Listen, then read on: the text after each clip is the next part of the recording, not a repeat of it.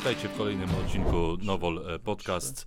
Dzisiaj, dzisiaj e, pójdziemy nieco e, w przeszłość, pójdziemy krok e, wstecz w motoryzacji, cofniemy się do tych wspaniałych czasów motoryzacji, gdzie te modele m, piękne, jeżdżące po ulicach wzbudzały podziw każdego e, przechodnia. A dzisiaj z nami e, w studio m, wyjątkowi goście, no specjaliści właśnie jeśli chodzi o samochody te klasyczne, ale też te samochody, które mm, zaliczane są już do youngtimerów i właśnie o tym dzisiaj porozmawiamy. Dzisiaj ze mną w studiu mm, oldtimer Krzysztof Grześkowiak i youngtimer Łukasz Kelar, albo też odwrotnie, zaraz to, do tego też dojdziemy.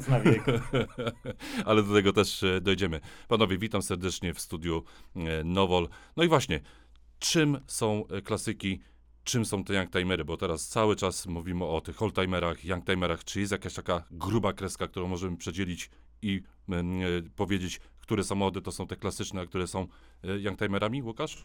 Y, Nie, takiej jasnej i czystej granicy absolutnie nie ma, co jest oldtimerem, co jest youngtimerem. Tutaj są różne klasyfikacje w zależności od tego, kto to klasyfikuje.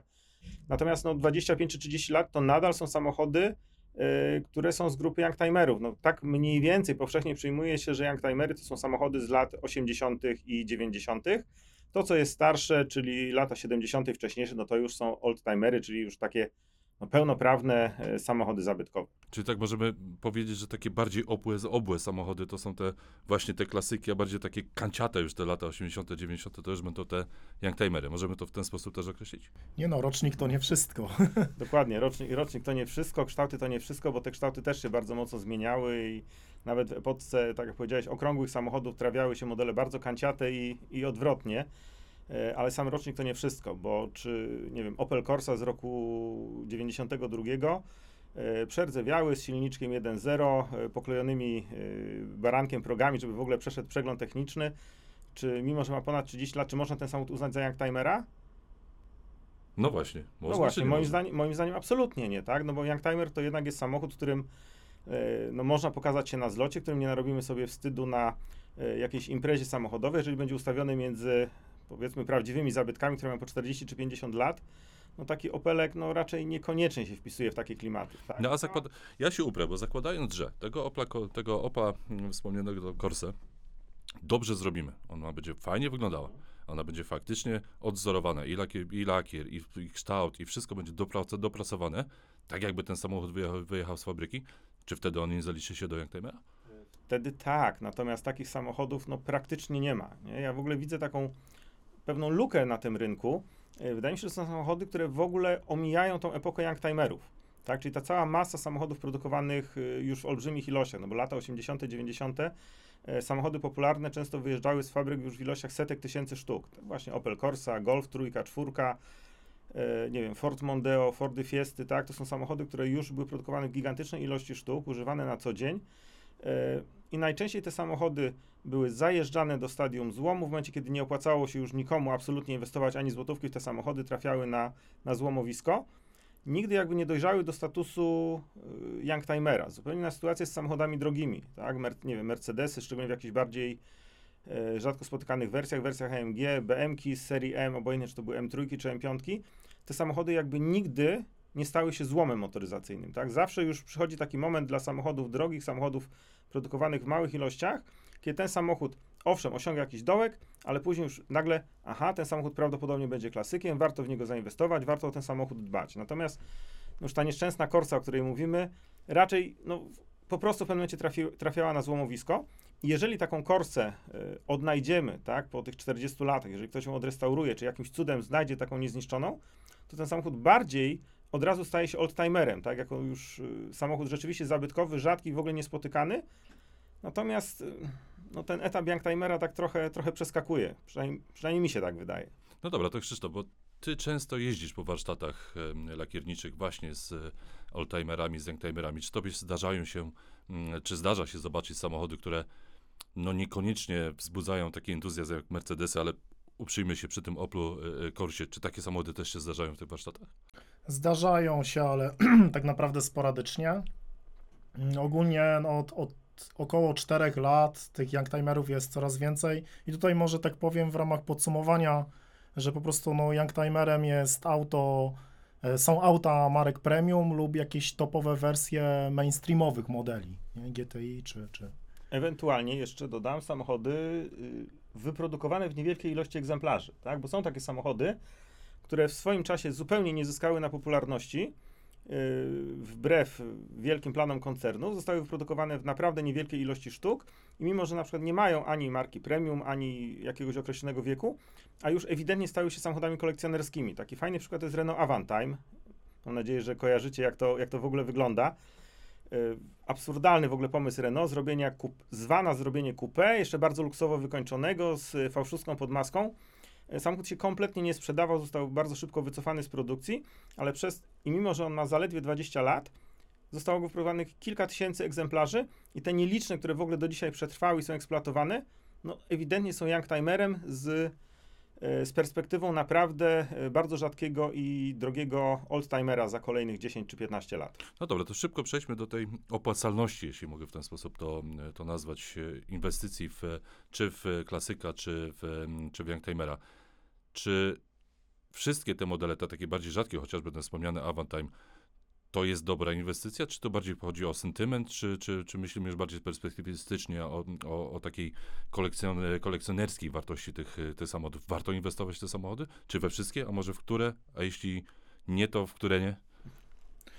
Warto, tak naprawdę wiele aut, my tutaj, jedno z naszych, y, jeżeli chodzi o demokary w naszej technologii, y, która widnieje w, na stronie internetowej czy w social mediach, to jest BMW E30. No ona tak naprawdę, ten model jest, ma olbrzymią wartość też sentymentalną. Spotkałem e, klienta, który kupił sobie tą BMK, no bo uwielbia Jima Carrey'ego, bo Jim Carrey jeździł e, w jakichś tam filmach, już nie pamiętam, które, które wymieniał, tak? No dobra, na ile się to, na ile się to opłaca? Bo to ja, ja wiem, że można wydać pieniądze, sentyment, mieć sentyment do tego samochodu, mm, ale czy jesteśmy w stanie określić, że na ten samochód warto położyć odpowiednią kwotę pieniędzy, oczywiście później go odrestaurować i mieć z tego jeszcze dodatkowy zysk? Czy w ten sposób należy na to patrzeć, czy bardziej właśnie pod kątem sentymentu? No niestety w tej chwili tak wzrosły ceny usług y, warsztatów mechanicznych, warsztatów blacharskich, warsztatów lakierniczych, że bardzo mocno przesunęła się ta granica opłacalności remontów samochodów. Obojętnie, czy to jest youngtimer, czy to jest oldtimer. Y, Wiele warsztatów y, w tej chwili fakturuje roboczo godzinę na 250-300 zł. Jeżeli policzymy sobie ilość godzin niezbędnych do przywrócenia samochodu, który ma 30 lat czy 50 lat do stanu idealnego, to niestety kwoty robią się horrendalne i ta granica realnej biznesowej opłacalności naprawdę bardzo mocno się odsunęła. Dlatego no, te, niestety ten rynek youngtimerów, gdzie to są samochody często kupowane za 20, 30, 40 tysięcy złotych, oczywiście są youngtimery warte już w tej chwili setki tysięcy, tak? No ale no to są no, sporadyczne przypadki pojedynczych modeli, jakichś naprawdę już rzadkich kolekcjonerskich aut, które tak naprawdę były y, kolekcjonerskie już jak były nowe, a co dopiero teraz po upływie 20 lat, to całej tej reszty tak naprawdę biznesowo niekoniecznie opłaca się w te samochody inwestować, więc bardzo często to, że ktoś taki samochód kupuje, że w niego inwestuje, e, to są kwestie właśnie sentymentalne, bo na przykład pamięta, że nie wiem, ojciec czy dziadek miał taki samochód, że nie wiem, w dzieciństwie marzył o jakimś, nie wiem, Japończyku z podnoszonymi reflektorami, no to teraz sobie kupuje e, Nissana 200, 200 ZX tylko dlatego, że ma takie reflektory, tak, na przykład i, i ładuje w to pieniądze, często nieporównywalne do rzeczywistej wartości tego samochodu po, e, po jego renowacji. E, Także zarobić na youngtimerach wydaje mi się, że jest dosyć trudno. Natomiast y, stosunkowo łatwo y, można kupić youngtimera, y, troszeczkę go dopieścić, pojeździć kilka lat i sprzedać za tyle samo albo ciut więcej niż się za niego zapłaciło. Y, I to jest już dla mnie bardzo ciekawa alternatywa w porównaniu z kupnem samochodu w cudzysłowie normalnego, tak? Czyli mając do wyboru kupno 10-letniego Forda Focusa, tak? którym pojeżdżę sobie kilka lat, i sprzedam go prawdopodobnie za połowę tego, co za niego zapłaciłem. Tak, no po prostu się, samochód się zestarzeje i będzie już prawie, że na granicy złomu, którego nikt nie będzie ode mnie chciał kupić, albo przestanie się opłacać go naprawiać. Ale zamiast 10-letniego Focusa, prawdopodobnie w tej samej cenie jestem w stanie kupić 25-letniego Mercedesa, znaleźć go w fajnym stanie, dbać o niego przez kilka lat i najprawdopodobniej po kolejnych kilku latach sprzedać go za tyle samo albo nieco drożej. Nie jest to wielki zysk, Natomiast na pewno nie jest to taka strata, jaką będziemy mieli y, na samochodach y, mniej więcej współczesnych używanych na co dzień. No okej. Kupujemy wybranego, umówmy się, Youngtimera. E, przychodzi ten czas, w którym trzeba oddać go do renowacji, czyli zrobić mu nową powłokę lakierniczą, zrobić tak, żeby on faktycznie wyglądał, żeby miał jaką, jakąś wartość, żeby faktycznie nie trafił na, na złom e, za, za lat kilka. Jakbyście tak krótko, może, Krzysz, może Krzysztof, te, tak krótko, krok po kroku powiedzieli naszym słuchaczom, na czym polega proces renowacji Youngtimera. Na czym polega proces renowacji Youngtimera? No tutaj też w pewnym stopniu chciałbym kontynuować to, co, o czym wspomniał Łukasz, mm, co do, co do kosztów. Mm, często nie robi się pełnej renowacji, e, pełnej renowacji lakierniczej, blacharsko-lakierniczej e, Youngtimera. Odpuszcza się środki, komory silnika, bagażnika, e, podłogę od spodu. Robi się po prostu e, poza lakierniczą kwestią tą mechanikę, jeżeli chodzi o tą sprawność, a lakierniczą po prostu usuwa się stare warstwy z frontów, e, z felcy, z tych gnęgi, po prostu tak wygląda, tak wygląda renowacja lakiernicza. Zupełnie, no, inaczej niż przy oldtimerach, gdzie przy oldtimerze robi się do, doszczętnie wszystko. Nie? Wszystkie, wszystkie zakamarki i tr trudno dostępne miejsca. No ale to wynika z y, kosztów, czy, czy, czy jak, jakby jak to określić? Bo, bo tak, no z jednej strony mamy 20-letniego youngtimera, który generalnie może być od spodu już, y, umówmy się, kiepski. Więc pytanie, czy nie warto by było jednak tego dołu zrobić? No to już, to już kwestia decyzji. No oczywiście ogląda się centymetr po centymetrze, jeżeli chodzi y, o youngtimery. No tutaj no, robi się po wierzchu, ponieważ jakby ta renowacja przebiega dosyć szybko, bardzo szybko bym powiedział, no bo jest yy, sporo części jeszcze dostępnych, także blacharz nie siedzi tyle roboczo godzin przy, przy, przy danej karoserii, tylko no, no, wymienia to, co może wymienić na, na nowe, co nieco dorobi i jest gotowe do, do zabezpieczenia antykorozyjnego i do dalszych prac lakierniczych. Dobra, rozmawiamy tutaj, jesteśmy tutaj w studiu Nowol y, nie bez przyczyny, bo też y, Obchodzimy w tym roku dziesięciolecie powstania linii Nowor for e, Classic Cars i też nowych produktów, które w tej linii się pojawiły właśnie dla youngtimerów, ale wróćmy te 10 lat e, wstecz. E, rozpoczęła się era Nowor for Classic Cars. Co to są za produkty? I po co w ogóle ta linia została stworzona, jeśli mogę tak zapytać? Krzysztof. Co do, jeżeli chodzi, chodzi o linię, no to ona powstała y, głównie z miłości do, do aut klasycznych, y, miłości również jednego z założycieli y, Nowola, pana Piotra Nowakowskiego, którego serdecznie pozdrawiamy. Przed dziesięcioma laty mieliśmy po prostu katalog produktów pod nazwą Novol for Classic Car. To były zwykłe nowolowe produkty i w tym czasie Dzięki współpracy z warsztatami renowacyjnymi tworzyliśmy produkty typowo do renowacji aut klasycznych, nie? czyli po prostu zbieraliśmy uwagi z rynku e, pod tytułem, że epoksyd musi być grubopowokowy, musi penetrować blachę, e, musi zostawiać połysk. No i taki produkt zrobiliśmy. I tak po kolei szpachlówki, szpachlówki natryskowe po lakier. Po tych 10 latach zmieniliśmy w co nieco na wysokości podkładu. E, właściwie od momentu, gdy zauważyliśmy, że zaczęły się pojawiać youngtimery, chcieliśmy, żeby mm, jakby ta technologia na youngtimery była też zbudowana w stu, i na oldtimery również, była zbudowana w 100% e, właściwie z 50 na 50, 50% z epoksydów i w 50% z, z poliestrów, czyli szpachlówek, nie? Czyli ta technologia do przygotowania powierzchni, do lakierowania zbudowana jest tak naprawdę z pominięciem e, produktów akrylowych, y, no takich jak podkład akrylowy. No to do, do Youngtimerów, które zresztą te produkty weszły w tym roku do, e, na rynek. I to jest jak gdyby rozszerzenie tej oferty e, Novel for Classic Cars. Ja się cofnę do tej jeszcze starej technologii. Na ile dzięki tej technologii możemy odzorować oryginalność samochodu tego wiekowego? Załóżmy, niech to będzie 1968 rok, rzucam. No co do oryginalności, no to tak naprawdę renowacja musi być przeprowadzona zdecydowanie lepiej. E, tak naprawdę poprawia się pewne niedoskonałości na, na poziomie fabrycznym, które e, w tamtych latach e, były. No, te szczeliny muszą ze sobą pasować. Przy oldtimerach bardzo ważny jest też kolor. Trzeba wybrać kolor z palety danej marki na przykład. No i na ile jest to trudne? Na ile jesteśmy w stanie odzorować ten kolor taki właśnie z, z lat wstecz? No my tak naprawdę posiadamy, w, jeżeli chodzi o kolorystykę, sporo kolorów na oldtimery, wiele kolorów potrzebujemy oczywiście z tych naszych wzorców e, przekonwertować, bo, bo dla nas najważniejsze są współczesne kolory, tak naprawdę, których jest coraz więcej, coraz więcej. Mm, Tak naprawdę no, wystarczy się do nas zgłosić z marką, modelem, rocznikiem e, auta, kodem koloru, nazwą koloru i, i jesteśmy w stanie dany kolor wyszukać. e, Jeżeli jakiś lakiernik nie mógł go znaleźć w naszym programie kolorystycznym.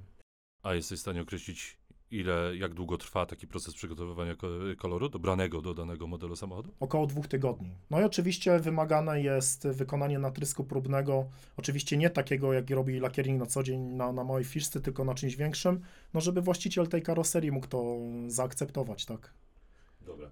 Wśród tych produktów jest też jedna fajna rzecz, jeżeli chodzi oczywiście o tą linię, o tą linię klasyków, bo e, Nowol ma specyf- specy- specjalne certyfikaty, które daje dla, mm, e, dla właśnie renowacji samochodów krok po kroku od odzorowania technologicznego. Na czym to polega? Jak zdobyć taki certyfikat? Jak zdobyć taki certyfikat? On przede wszystkim, e, certyfikat jest wystawiany tylko i wyłącznie na pełne renowacje, czyli nie można sobie odpuszczać e, środków typu podłoga, komora silnika i tak dalej. Na pełnej renowacji, na pełne renowacje i oczywiście mm, trzeba stosować pełną technologię e, old-timer, czy, czy jak to się zdecyduje na pełną renowację young, young timer, krok po kroku. E, Należy się do nas zgłosić, e, podając markę, model, rocznik, numer WIN i adres warsztatu. Prowadzimy specjalną ewidencję. E, Zgłaszamy w momencie, gdy, gdy auto jest tuż na wykończeniu, jeżeli chodzi o prace blacharskie. No i od antykorozji po lakier bezbarwny pracujemy na pełnej technologii. E, Są niezapowiedziane wizyty w warsztatach. I ostatnim elementem tej całej certyfikacji, zanim się otrzyma księgę renowacji, tak naprawdę, w której jest certyfikat, jest ocena jakości wykonania. No bo to, że się pracuje na pełnej technologii, to nie znaczy, że, że będzie dobrze.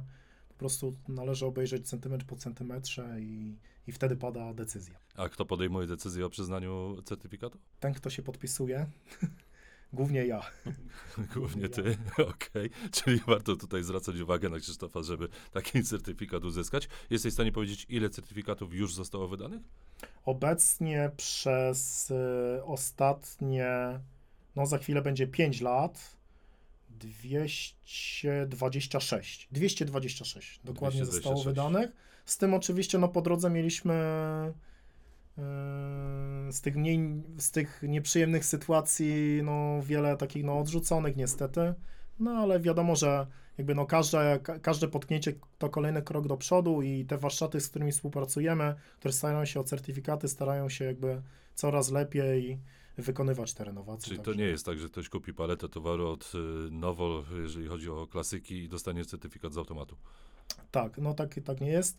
No, to jest też fajny taki manewr, gdzie jak ktoś zgłosi auto do certyfikacji, no to te niezapowiedziane, wi- podczas tych niezapowiedzianych wizyt też są pewne konsultacje. Też przy okazji mogę pokazać pewne nowości, jak jestem w danym terenie. Także jest Czyli mnóstwo plusów, korzyści. Nie tak łatwo z tobą ten certyfikat uzyskać. No. No, Łukasz, wrócimy do tego, bo te 226 em, certyfikatów to, to jest dosyć e, spora liczba samych certyfikatów. Oczywiście tych pewnie tych renowacji jest znacznie, znacznie więcej. Ty jesteś osobą, która jeździ na wiele zlotów, na bierze udział w wielu, e, na wielu targach e, czy, czy zjazdach tych samochodów e, klasycznych. Jak byś ocenił stan przygotowania tych samochodów właśnie na tego typu prezentacje, czy to targi, czy to zloty? To oczywiście zależy od tego, na jakiej imprezie jesteśmy, tak? Bo jeżeli jesteśmy na Technoklasice w Essen, czyli na największych targach samochodów zabytkowych na świecie, to tam jest y, powiedzmy, że nieźle, natomiast y, wśród tych tysięcy samochodów, które się pojawiają w Essen, no również da się znaleźć takie rodzynki, jak samochód wyceniony na 150 czy 200 tysięcy euro, który został polakierowany po wierzchu, nawet bez wyciągania szyb, gdzie uszczelki od szyb są y, troszeczkę y, zasikane lakierem, tak? No i widać, że to było zrobione po prostu po taniości, żeby ten samochód odświeżyć, tak, i spróbować sprzedać na targach. Ale tam oczywiście no, ilość takich y, rodzynków jest y, no, nie bardzo mała, natomiast no, nie, jest to, nie jest to standard. Natomiast y, no, im schodzimy niżej, tak, z, z klasą imprezy, czy z klasą zlotu, czy z klasą targów, no to niestety zazwyczaj jest, jest coraz gorzej, tak, no bo im tańsze samochody przyjeżdżają, tym wiadomo, że no, szansa, że ten samochód będzie zrobiony w pełnej technologii, zgodnie z technologią, przez profesjonalny zakład, no oczywiście ta, ta szansa maleje.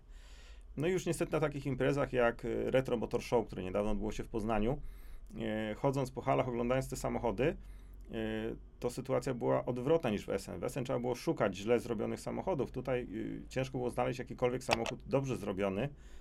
E, no, na oko no, co najmniej 80% samochodów było e, poddanych renowacji, bo było widać, że te samochody nie są w stanie fabrycznym, tylko że były już po drodze poddawane różnym zabiegom. No i niestety było to zrobione w sposób e, bardzo kiepski. E, Oczywiście ja nie jestem w stanie ocenić e, w tej chwili, jakimi materiałami było to zrobione, natomiast niezależnie jakie to były materiały, to jakość e, kiepskiej pracy lakiernika po prostu widać. Na pewno żaden z tych samochodów od Krzysia by certyfikatu e, nie dostał.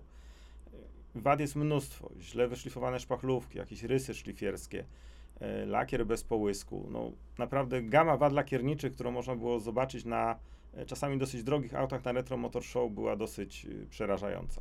Na, natomiast dosyć łatwo to wytłumaczyć. No, to jest po prostu kwestia, kwestia finansów. No, porządna renowacja lakiernicza karoserii, nie mówię o renowacji blacharskiej, no bo tutaj są samochody, gdzie ta renowacja potrafi kosztować kilkadziesiąt tysięcy euro, no po prostu części są potwornie drogie, no chociażby ten Jaguar, który tu przed nami stoi, tak, to jest samochód bardzo popularny na rynku oldtimerów e, i ma pewne części konstrukcyjne, e, bardzo skomplikowane, bardzo drogie. No ta olbrzymia maska tego Jaguara, która jest przepiękna, jak się siedzi za kierownicą i widzi chyba ze 3 metry tej blachy przed sobą, wygląda wspaniale, natomiast no, odtworzenie tego, żeby to trzymało kształt samochodu i było perfekcyjne, nieprawdopodobna ilość pracy i naprawdę znakomity blacharz, żeby był w stanie to zrobić.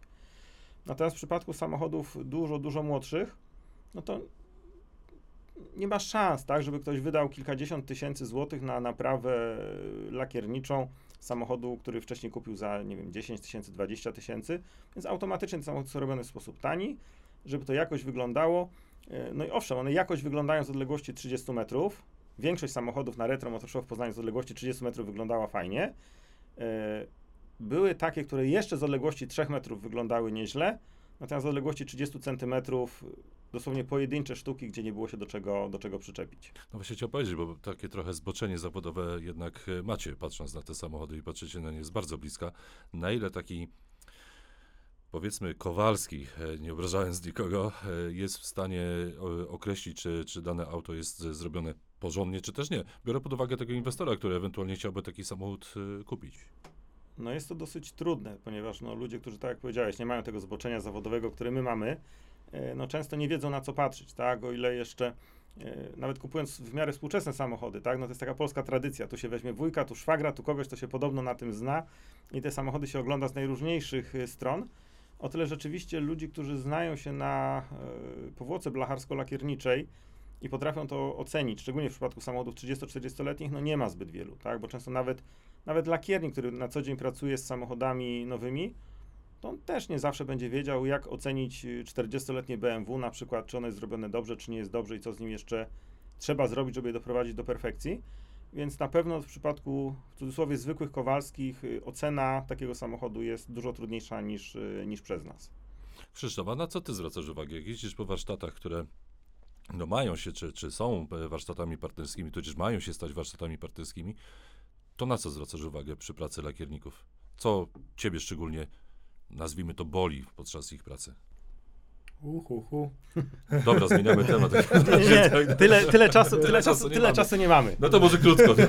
Krótko. No tak naprawdę to nie no mało co mnie boli. No akurat no, większość warsztatów, z którymi współpracujemy, współpracujemy, starają się naprawdę wykonywać swoją pracę na najwyższym poziomie. To na co należy zwracać uwagę przede wszystkim, bo, bo tutaj padło z twojej strony takie pytanie. Y, Na, na co ja zwracam uwagę, przepraszam, no to tak, no najważniejsze to, żeby były wszystkie elementy docięte, żeby nie było żadnych falek, E, Widać, które elementy były po prostu przygotowane jakby po macoszemu, czyli po prostu maszynowo e, zapodkładowane i polakierowane, a widać elementy, które po prostu były ręcznie rzeźbione od samego e, początku praktycznie, praktycznie do końca, czyli, czyli falka, kolor, struktura lakieru. Ale dodajmy też uczciwie, że Krzysiu jeździ jednak po warsztatach no, topowych, tak? Nie jesteśmy w stanie odwiedzać e, setek warsztatów y, w samej Polsce, które zajmują się remontami y, oldtimerów czy youngtimerów, których jest dużo, dużo więcej. Więc jednak Krzysiu trafia głównie do tych warsztatów topowych, które są przez nas przeszkolone, które pracują na pełnej technologii, a i nawet w takich warsztatach no, dość regularnie znajdą się rzeczy, do których można się przyczepić. Natomiast jeżeli już mówimy o tych setkach warsztatów blacharsko-lakierniczych, do których może trafić bez problemu 30-letnie BMW, E30 czy E36, które ktoś kupił i chce doprowadzić do stanu perfekcyjnego, no to tam pewnie będzie już y, jeszcze trudniej, tak? Bo jednak naprawę współczesnego samochodu, a zabytku no, robi się w, kompletnie inaczej, tak? Jeżeli do warsztatu trafia y, kilkuletnia Skoda, Kia, auto używane na co dzień, no to podstawowe założenie jest takie, zrobić to jak najszybciej, żeby ten samochód mógł wrócić na, na drogę. Obojętnie, czy za to płaci właściciel, czy za to płaci ubezpieczyciel. To ma być zrobione szybko, y, w miarę dobrze, tak, żeby oczywiście no nie było widać y, z daleka, że samochód ma źle dobrany kolor, czy, czy nie wiem, lakier nie ma połysku, czy, czy są rzeczy, które nawet zwykły, w cudzysłowie, Kowalski zauważy. Natomiast robiąc nowy samochód, no nikt się nie przejmuje trwałością tej naprawy. No co kogo obchodzi, jak y, flotowa Kia będzie wyglądała po kolejnych pięciu latach. Natomiast robiąc samochód zabytkowy, e, tak naprawdę ważniejsze jest to, co pod spodem, tak? nie to, co widzimy, bo to, co widzimy, no to w, powiedzmy, że każdy w miarę ogarnięty lakiernik z jakimś doświadczeniem potrafi w miarę prawidłowo samochód polakierować. Natomiast odtworzenie tego, co jest pod spodem, przede wszystkim zabezpieczenia antykorozyjnego, no jest nieprawdopodobnie ważne, żeby ten samochód, który dziś ma lat 25, żeby przetrwał chociaż kolejne 15 bez konieczności następnego, następnego No i rozumiem, że, że do takiej renowacji, do takiej kompleksowej renowacji mamy wszystkie produkty, które są potrzebne, to wszystko znajdziemy w linii e, Tak. Novel for Classic e, Tak. Cars. Mamy, mamy, no i też chciałem dopowiedzieć też, że no staramy się uświadamiać, y, uświadamiać to, jaka jest różnica między refinishem a, a renowacją, tak? Refinish, czyli likwidacja szkód komunikacyjnych, tam czas, czas, czas, czas, czas, te auto zastępcze jest tylko na, na jakiś określony czas, za które płaci ubezpieczalnia. Jeżeli chodzi o renowację, no to tutaj nie wolno iść na skróty, no bo to wszystko za, za kilka lat po prostu no, no wyjdzie, tak? I, To jest taka ciekawa rzecz, którą zauważyliśmy, tak? Jak pytałeś o to, jak zaczynał Novel for Classic Car 10 lat temu, e, to wtedy ewidentnie byliśmy skoncentrowani na oldtimerach, na samochodach z lat 50., 60., 70. Takich samochodów było wtedy naprawdę mnóstwo w warsztatach w Polsce, w warsztatach w Niemczech, w warsztatach w Wielkiej Brytanii, gdzie, gdzie ta marka jest e, do dzisiaj bardzo popularna. Natomiast w ostatnich kilku latach dość mocno zaczął spadać yy, odsetek tych bardzo starych, czy, czy średnio nawet starych samochodów w warsztatach. Dlaczego? Po prostu zaczęło ich brakować, tak? No już jest coraz mniej tych tak zwanych barnfindów, samochodów wyciąganych gdzieś tam ze stodół, z... Owszem, no trafiają się czasami jakieś rodzynki y, w raporcie turbo, czasami można zobaczyć jakąś otwarcie jakiejś stodoły gdzieś tam w Stanach, gdzie stoi 150 samochodów, na przykład pokrytych 20 czy 30-letnim kurzem. Natomiast jest tego coraz mniej i ilość tych oldtimerów na rynku zaczęła gwałtownie spadać, dlatego rynek zainteresował się samochodami młodszymi, stąd nasza odpowiedź i technologia dla samochodów y, zdecydowanie młodszych.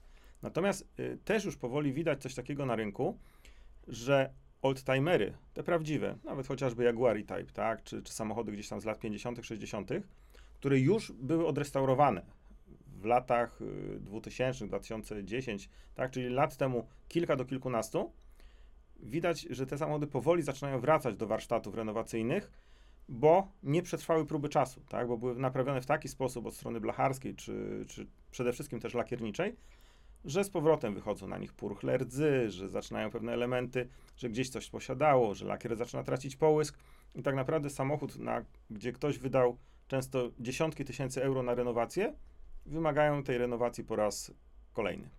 No właśnie, z czego to wynika? Bo jeżeli masz klasyka, to no zazwyczaj też y, masz miejsce, w którym y, należy taki samochód no, zabezpieczyć, chociażby przed zimą. Tak? No tu nie wyobrażam sobie, żeby ktoś y, pod chmurką zostawiał odrestaurowanego E-Type'a. Jak należy dbać o te samochody, żeby one nam jak najdłużej służyły? Jest jakaś taka jedna dobra rada? No, wiadomo, że poprawna technologia, zabezpieczenie antykorozyjne jest bardzo, bardzo ważne.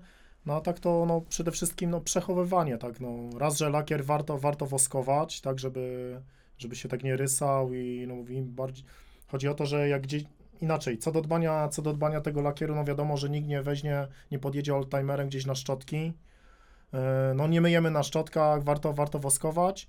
Co do przechowywania, no to warto mieć jakiś e, garaż, gdzie, gdzie jest sucho i czysto, tak. Z youngtimerami, z youngtimerami podobnie, czy to już można bardziej zostawić pod chmureczką na chwilę dłużej? Zależy od wartości. Zależy od wartości samochodu. wartości no wszystko zależy od wartości. E, Ale, ale prosiłeś też jeszcze jedna, jedna rzecz, Krzysiu, no zwróć uwagę, że jednak te samochody, z którymi coś się dzieje po, po kilkunastu latach, tak, zaczyna wychodzić rdza gdzieś czy na progach, czy w jakichś takich miejscach, no to my nie wiemy, co tam było zrobione, w jakiej technologii. No jeżeli samochód był robiony 15 lat temu, na pewno nie był technologii NFC-C, bo jej jeszcze nie było na No. rynku. Ale, ale na, no powiedzmy sobie szczerze, tak, często nawet drogie samochody były robione w warsztatach y, no, w sposób, powiedzmy, że uwłaczający prawidłowej technologii. Pewne warstwy były pomijane. Były stosowane podkłady typowo y, refiniszowe, które nie dają po prostu odpowiedniej odporności antykorozyjnej. I owszem, tak, to co wytrzyma y, 3 lata na samochodzie normalnie eksploatowanym, natomiast na no, nie do końca prawidłowo oczyszczonym, nie do końca prawidłowo odrestaurowanym blacharsku zabytku, mimo trzymania pod chmurką, przykrywania y, specjalnym pokrowcem, plandeką, cudowania, woskowania, po kilkunastu latach po prostu i tak, i tak te procesy korozyjne mogą zacząć na powierzchnię wychodzić, niezależnie od tego, jakby właściciel o niego w tej chwili nie dbał. Dlatego tak ważny jest ten etap pierwszy, żeby to zrobić tak, żeby rzeczywiście na kilkanaście lat mieć święty spokój. Wrócę jeszcze na chwilę do tej rozmowy. Mówiliśmy o, mm, o rynkach, czy to niemieckim, czy, czy brytyjskim. To jest faktycznie.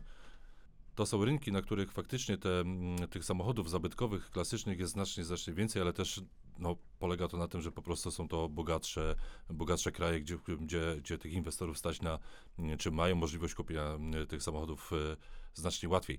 Ale do czego zmierzam? Większość tych samochodów przez długo, długo, długie, długie lata trafiało do polskich warsztatów, bo one były też po prostu tańsze niż w Niemczech. Jak to wygląda dzisiaj z pers- z perspektywy tych 10 lat od stworzenia mm, e, linii Norfolk Classic Cars? Czy to nadal ten przepływ tych samochodów e, klasycznych, teraz już youngtimerów, nadal wygląda tak samo? Nadal Polska jest takim hubem e, naprawczym dla e, rynków zachodnich? Tak. Tak, ale coraz częściej już te ceny usług w Polsce zaczynają rosnąć na tyle, że nawet niemieccy inwestorzy no, rozglądają się, czy gdzieś tych samochodów nie da się zrobić taniej niż, niż u nas. To szczególnie w ostatnich kilku latach wzrost cen energii, wzrost cen kosztów pracy w Polsce plus inflacja spowodowały, że te koszty mm, roboczo-godziny y, oczywiście wciąż są niższe niż w Niemczech ale nie są już niższe dw- dwukrotnie czy trzykrotnie, jak to było 10 lat temu, tylko są niższe o 20-30%. Yy, No i to na pewno w tej chwili troszeczkę ogranicza ten napływ starych samochodów do Polski na renowację w porównaniu z tym, co było jeszcze no przed COVID-em, bo to jest tak naprawdę taki w ostatnich latach zrobił się taki punkt, co było przed, co było po COVID-zie, patrząc na imprezy, na zloty, ale też na ceny usług yy, lakierniczych w Polsce. Także owszem, yy, wciąż jesteśmy zagłębiem renowacji samochodów, ale nie jest to na pewno już taka skala jak przed 10 laty. No dobra, bo to tu jest kwestia kosztów, co jest oczywiście bardzo ważne przy tych samochodach, ale też jakości. Na ile my, jako Polacy, warsztaty polskie, jesteśmy w stanie zapewnić może lepszą jakość tej renowacji naprawy lakierniczej? Właśnie ten rynek polski tutaj się, się wyróżniał w stosunku do, do niemieckiego, że, że mimo niższej kwoty za, za pełną renowację lakierniczą, e, te auta odrestaurowane w Polsce z, z, wyglądają zdecydowanie lepiej. Ja czasami miałem takie wrażenie, będąc w Niemczech, w jakimś regionie, w jakimś warsztacie, że, że Niemcy, akurat patrzę przez pryzmat tych miejsc, gdzie byłem, tak, że, że tak troszeczkę po macoszemu yy, przygotowują te karoserie do lakierowania i lakierują. A Ale w też były Bry- takie sytuacje fajne, na przykład chodząc po targach w SN e, z kolegami z e, zaprzyjaźnionych warsztatów renowacyjnych w Polsce, gdzie naprawdę na stoiskach domów aukcyjnych, gdzie stały samochody często za setki tysięcy czy miliony euro, szedł e, właściciel polskiego warsztatu i o, tego robiłem, tego robiłem, tego robiłem, gdzie oczywiście później e, te firmy e, aukcyjne się absolutnie tym nie chwaliły, tak, że samochód był odnawiany w Polsce. Po prostu był zrobiony perfekcyjnie, a to gdzie, to to już potencjalnego nabywcy nie powinno zupełnie interesować. No myślę, że to ma akurat mniejsze znaczenie, prawda, gdzie było zrobione, tylko to też jest takie trochę em, docenienie pracy polskich lakierników, zresztą bardzo to doceniamy i oby to trwało dalej. Natomiast zmierzam do tego, czy nadal nie warto, mimo wzrostu tych kosztów usług, tej, tej energii itd., tak itd., dla potencjalnego inwestora, czy nadal nie warto wysłać jednak do warsztatu polskiego, który no, robi to znacznie lepiej, ale też zmierzałem do pytania o Wielką Brytanię, bo to jest też rynek, w którym mnóstwo się oldtimerów e, robi, szczególnie tych e, z, z angielskimi znaczkami Land Roverów, MG, wszystkich Jaguarów, bo oni mają sentyment do tych swoich marek.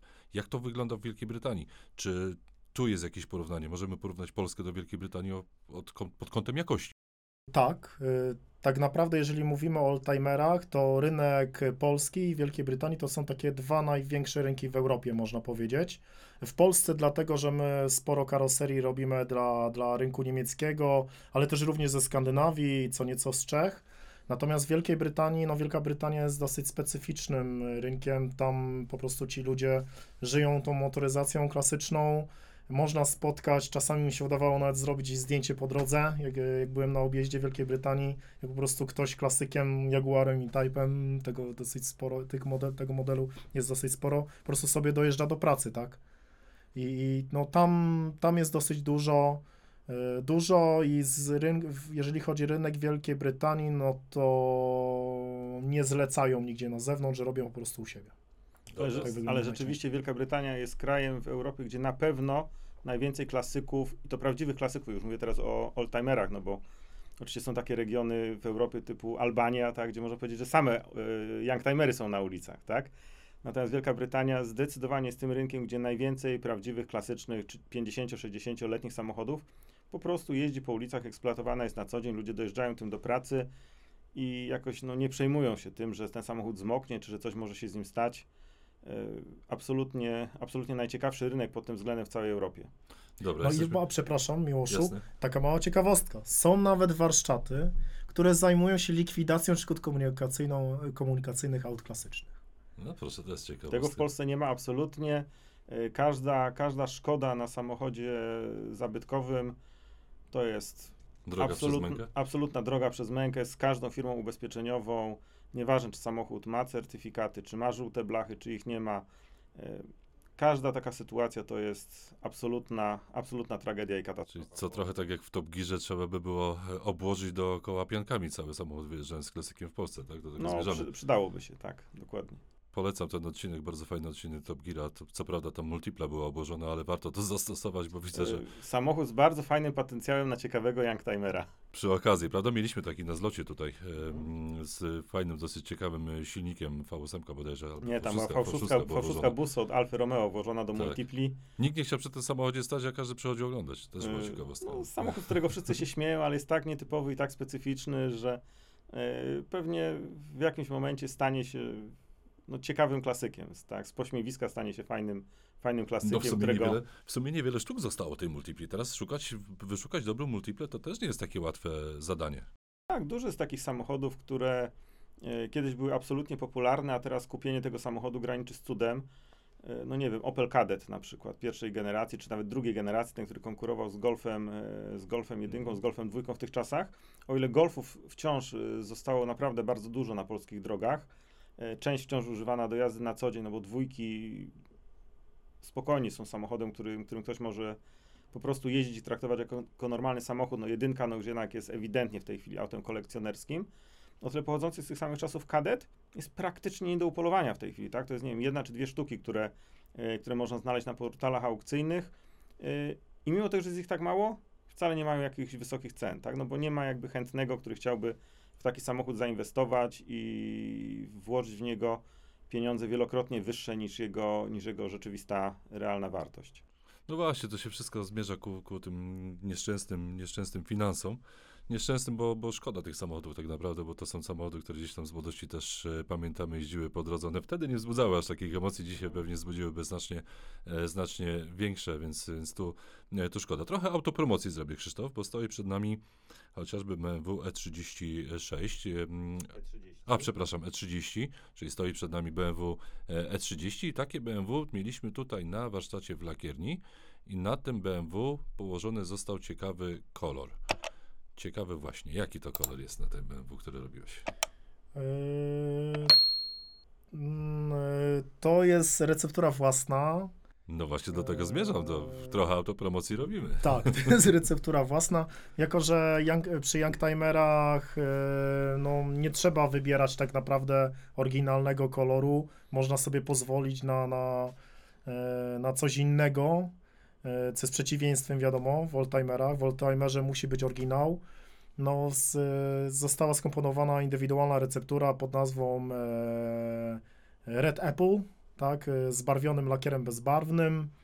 E, taki zwykły wiśniowy kolor, ale jak zaświeci e, słońce albo gdzieś się wjedzie do dobrze oświetlonego pomieszczenia, e, robi mega wrażenie. E, Auto zostało przygotowane w pełnej technologii youngtimerowej, e, a co do etapu lakierowania, no to był on no, dość skomplikowany, tak no, no, sporo lakierowania na trzy razy, tak naprawdę. Ten samochód, ten samochód był gwiazdą naszego stoiska na ostatnim Retro Motor Show. E, samochód jak samochód, no E30 jednak na rynku wciąż jest, wciąż jest, wciąż jest sporo. E, nasz wzbudzał olbrzymie zainteresowanie właśnie tym kolorem. Mieliśmy ustawioną taką bardzo mocną lampę, która ten kolor e, wyciągała i było widać ten efekt, który tam jest użyty. E, Podejrzewam, że gdybyśmy mieli tam na miejscu stoisko i w wiaderkach ten lakier, to nawet gdybyśmy go sprzedawali w jakiejś absurdalnej cenie, to pewnie byśmy kilkadziesiąt litrów tego lakieru sprzedali, bo naprawdę chętnych, żeby swój samochód zrobić w takim samym kolorze nie brakowało. No to też już nie będziemy tacy skromni i, i troszkę, troszkę też o tym samochodzie powiem, bo on faktycznie był jednym z najlepiej wykonanych lakierniczo samochodów podczas e, Retro Motor Show. Tak jest przynajmniej moje wrażenie, też chodząc po targach i patrząc na te, na te samochody, no to tutaj dużo energii włożone i pewnie potu w to, żeby on tak wyglądał. No tak, co prawda też się no, nie wyrobiliśmy do końca, dlatego tam był polerowany na targach na podnośniku, gdy stał, tak przy okazji. No tak, tak, no mało, mało jest e, e, z aut w takim kolorze. Oczywiście, jeżeli chodzi o motoryzację tą amerykańską, tam można sobie pozwolić na, na, na tego typu kolory, ale co do Retro Motor Show, to nie widziałem nic takiego ciekawego. No zachęcamy do tego, żeby mm, poszukać e, BMW E30 robione w e, technologii Novel for Classic Cars, technologii dla e, youngtimerów. Bardzo ciekawy kolor. Mieliśmy kilka publikacji, jest też kilka filmów. Zobaczyć, ta receptura jest do odzorowania. Można ją Tak. odzorować. Jest taka, gdzie ktoś zgłosi się do kolorysty współpracującego z Nowolem, będzie w stanie ją kupić? Nie potrzebujemy zgłaszać się do kolorysty. Wystarczy sobie wpisać w wyszukiwarce w programie kolorystycznym e, Spectrala Car Color e, nazwę tego koloru. e, No i wyskakuje nam gotowa receptura. Dobra, Łukasz, na ile przy kolorach zostaniemy? Na ile ty, jako znawca tego rynku właśnie klasyków youngtimerów, na ile byś może polecił albo podpowiedział, żeby właśnie takimi kolorami się e, trochę pobawić, w szczególności jeżeli chodzi o youngtimery, bo oldtimery to jest troszeczkę inna bajka, bo tam odzorowanie oryginału jest bardzo istotne. Ale przy tych youngtimerach już mniej. Na ile możemy się pobawić tymi kolorami? To już wszystko jest kwestia inwencji właściciela i tego, co właściciel chce, chce uzyskać. Bo tak jak już y, powiedziałeś, przy oldtimerach rzeczywiście no, ten oryginalny kolor zazwyczaj jest sporą wartością.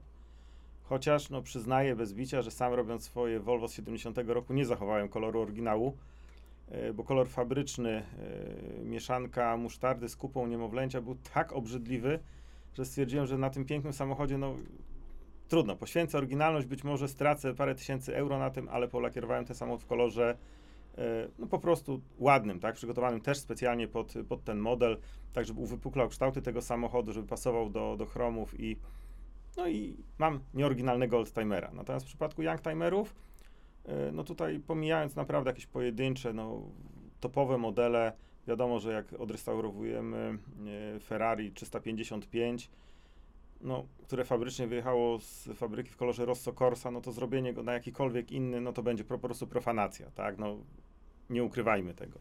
Natomiast w przypadku y, samochodów, no chociażby BMW E30, bardzo popularny y, youngtimer na, na wielu, wielu rynkach, nie tylko w Polsce, no to tutaj uważam, że absolutnie możemy poszaleć, tak, czyli nie, nie musimy zachowywać oryginału, możemy zrobić jakiś y, y, ciekawy kolor, y, kolor, który po prostu nam się podoba, który nam do czegoś pasuje, który, nie wiem, spodobał nam się na jakimś innym samochodzie, robimy go na naszej, na naszej BMC i nie będzie to absolutnie żadną profanacją. Nie będzie profanacją w tej chwili.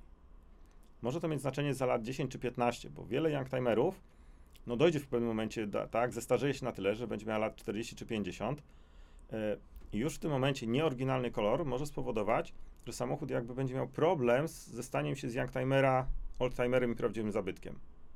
Tak? Czyli jakby na dzień dzisiejszy bawmy się, kombinujmy, szczególnie jeżeli samochód nie jest jakiejś yy, wysokiej wartości. Natomiast jeżeli ktoś chce traktować pojazd jako kolekcjonerski, inwestycyjny i związać się z nim na kolejnych 20 lat, no to wtedy może warto pomyśleć jednak nad zachowaniem oryginału, bo na pewno ten oryginał po kolejnych nastu latach będzie wart więcej niż y, nawet ten piękny, który jest na, naszej, y, na naszym demokarze, na naszej BMC, ale no nie zachował koloru oryginału. Czyli co, nadal warto w musztardę w razie czego zainwestować, jeśli ktoś myśli tak kolekcjonersko.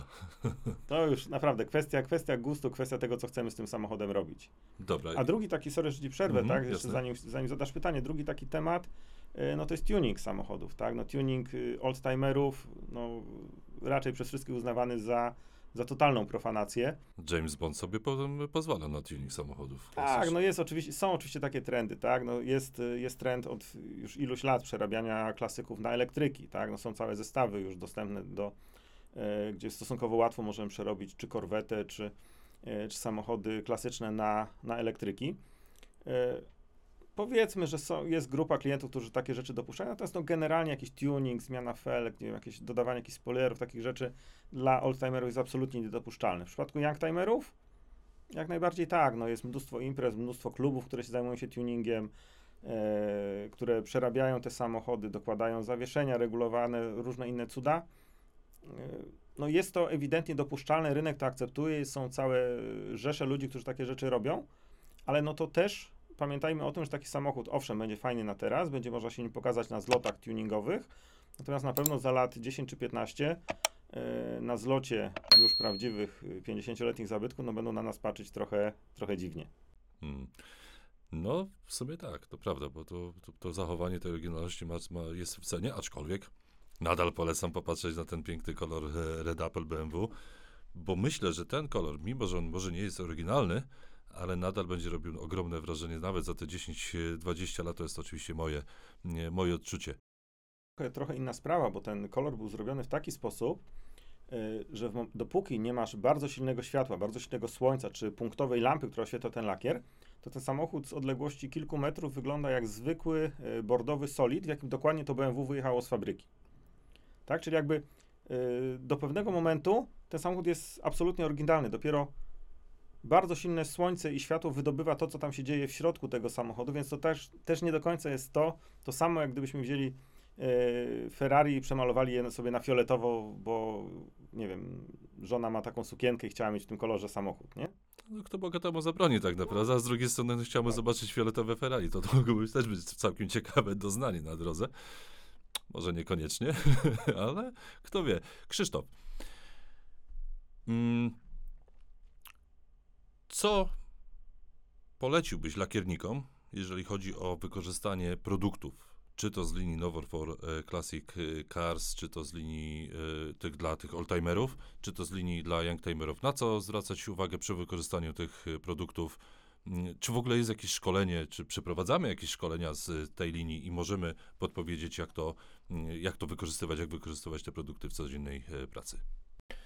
Co do szkoleń, no to tutaj szkolenia odbywają się na bieżąco u nas w centrum, y, w terenie, w warsztatach y, lakierniczych, tych, tych renowacyjnych. Y, No i w najbliższym czasie będzie, będzie się pojawiać sporo materiałów w sieci, na, na YouTubie, także śledźcie nas. Będziesz opowiadał o tych produktach, będziesz e, na nich pracował, tak? Właśnie Tak. Na YouTubie, tak.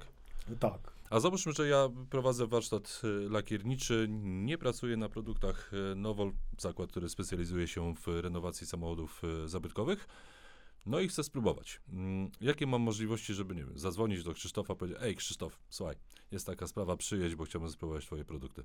Istnieje taka możliwość? Y, Istnieje taka możliwość, jeżeli y, wkręcę się w danym regionie, mam po drodze, no to, to mogę przyjechać. mogę, mogę przyjechać. Coś trzeba specjalnie przygotować, jakiś obiad, kawę, coś? Kawa wiadomo, Kawę wiadomo. kawa wiadomo. No. No czyli Ja kochani, może kochani też- szykujcie kawę, bo to bardzo istotny element rozmowy z Krzysztofem. Bez kawy w ogóle chyba nie podchodzi do rozmowy. Tak, nie mam kawy. A rozmawiamy od prawie godziny, prawda? Jednak się da. Tak. Czyli jest y, taka możliwość, nie będę Tak, podawał jest- numeru telefonu. Jest taka możliwość y, na stronie internetowej nftc.pl można znaleźć do mnie kontakt y, w zakładce kontakty.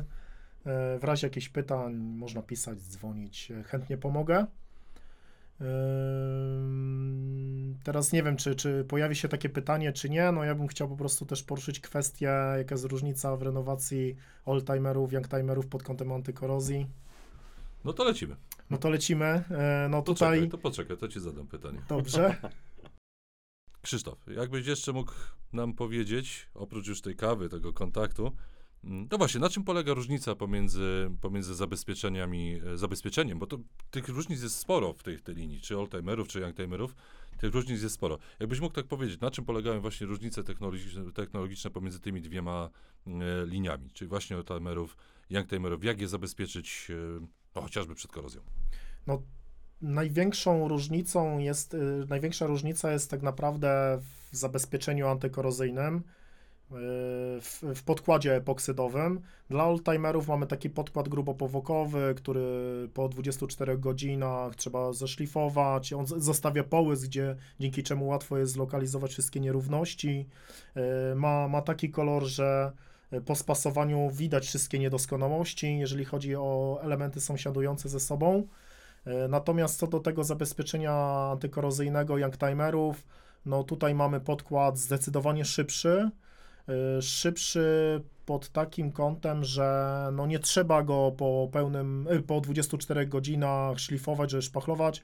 Można na niego, na niego nakładać szpachlówki, e, podkłady do 7 dni bez matowania. No ale na czym polega ta różnica, jeśli mogę w, się wtrącić? No Dlaczego tu jest y, taki gruby, który, którego musimy szlifować, a to jest taki szybszy, którego nie musimy? Tak, tak oldtimery bardzo poza, poza tymi elementami nowymi wstawionymi, dorobion, czy też dorobionymi przez blacharza, no, ma- mają mnóstwo takiej starej blachy, gdzie pod mikroskopem jest mnóstwo mikropęknięć.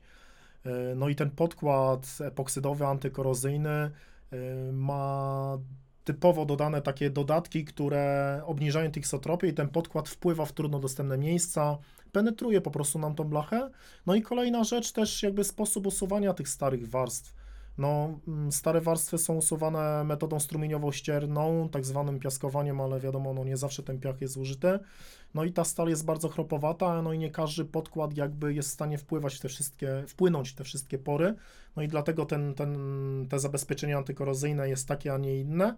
Przy youngtimerach no jest tak, że usuwa się mechanicznie y, stare warstwy, no i pozostaje nam y, po prostu stal z pozostałościami ocynku galwanicznego.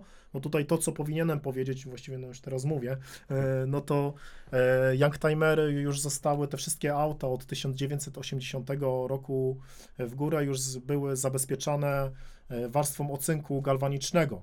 No i po usunięciu tych starych warstw mamy mnóstwo pozostałości ocynku, no i żeby odtworzyć też te zabezpieczenie na tym samym poziomie jak ocynk galwaniczny, no to mamy nieco inny, inny podkład epoksydowy, który, który dłużej pracuje, y, penetruje.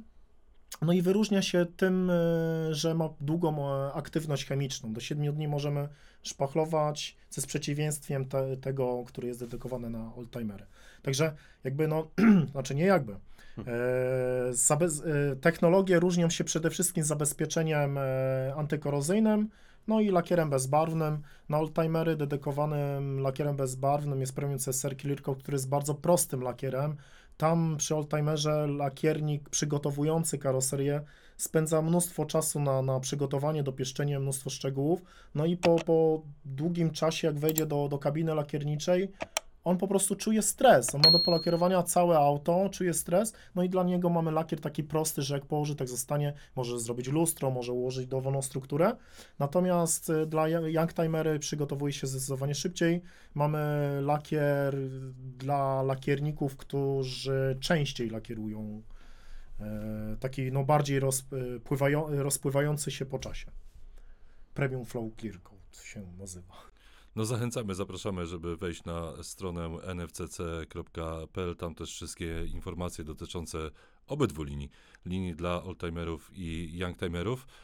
A ze mną dzisiaj był Łukasz Keller, czyli nasz e, youngtimer, oldtimer i Krzysztof Grześkowiak, oldtimer, youngtimer, specjaliści, jeżeli chodzi o właśnie samochody e, klasyczne i wszystkie rzeczy związane z lakierowaniem.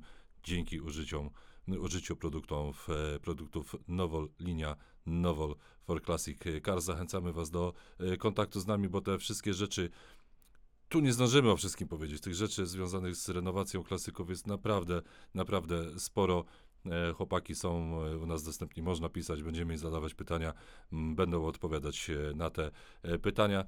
Subskrybujcie nasz kanał, bądźcie z nami na Nowol, odwiedzajcie nasze mm, media społecznościowe, tam naprawdę sporo e, informacji, a wam serdecznie dziękuję. To na dzisiaj wszystko w Nowol. Dziękuję Podcast. serdecznie. Dziękuję bardzo. Pozdrawiamy.